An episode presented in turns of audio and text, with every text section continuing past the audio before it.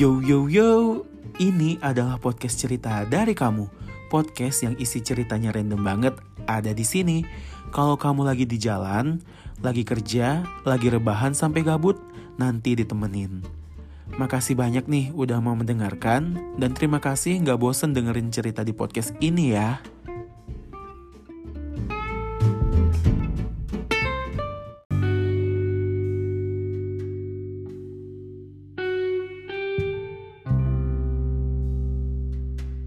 Sudah dua bulan lebih ya aku tanpa kamu. Nggak terasa juga ya. Sekarang, kini aku dan kamu telah menjadi dua orang asing. Aku yang nggak tahu apa jawabannya, kayak orang bodoh, tau nggak? Nggak tahu jawaban kenapa kamu tiba-tiba pergi, ninggalin. Nggak ada jawaban yang begitu spesifik. Gini banget ya, dipaksa jadi orang asing di saat kita lagi sayang-sayangnya, lagi bahagia, lagi senang, terus tiba-tiba dibanting gitu aja dengan masalah kecil jadi besar. Dua bulan aku belajar mulai berusaha melupakan kamu, belajar tanpa ada kamu. Ternyata berat karena itu posisinya aku benar-benaran kaget dengan situasi kayak gini. Yang biasanya aku dapat kabar, perhatian dari kamu, terus besok-besoknya udah gak ada lagi. Kamu mulai menjaga jarak dan dan udah kelihatan kok dari respon kamu ke aku. Benar-benar berubah. Bahkan sampai-sampai dirimu nge-hidden instastory kamu ke aku. Ya, sakit rasanya. Satu bulan kemudian, kamu dekat sama seseorang yang baru. Jujur, ada rasa kecewa, cemburu, marah, sedih, semuanya jadi satu. Rasa sakit itu makin bertambah, bertubi-tubi. Kamu gak mikirin perasaanku. Kamu jahat ya, bener-bener jahat. Ternyata secepat itu.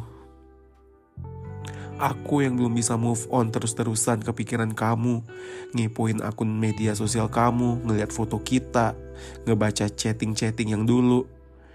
Ya, hati jadi terasa makin sakit, nangis, perih.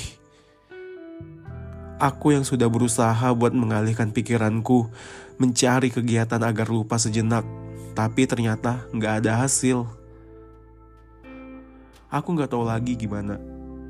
Curhat ke sahabat-sahabatku, mungkin mereka udah bosen dengerin cerita itu lagi, itu lagi. Sahabat-sahabatku yang menyuruhku untuk mencari yang baru, mencari pengganti, tapi nggak segampang itu. Ya, satu bulan itu aku benar-benar down. Hingga di saat mau jalan di bulan kedua, aku tanpa kamu, aku mutusin buat puasa media sosial hampir satu bulan lamanya. Jadi cuma aktif di media chatting. Aku lega, aku merasa sedikit tenang, dan aku juga sudah mulai berdamai dengan diriku untuk mulai belajar ikhlas tanpa kamu. Ikhlas yang paling serius. Kini, aku juga sudah mulai sadar kok. Jadi, aku juga mutusin untuk healing sejenak di saat tanpa kamu. Aku jalan-jalan ke desa temanku dan healing keluar kota, ngeliat pantai, laut, deburan ombak, dan hembusan angin laut yang aku rindukan. Karena itu satu-satunya obat penenang buat hati ini. Aku ingin teriak, nangis sampai sepuas-puasnya agar hati ini plong.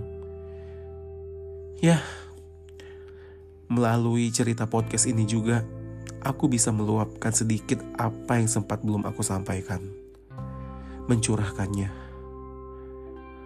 Aku gak mau berlarut lama lagi. Terima kasih ya untuk pertemuan singkatnya memori itu akan selalu ada. Selalu ada.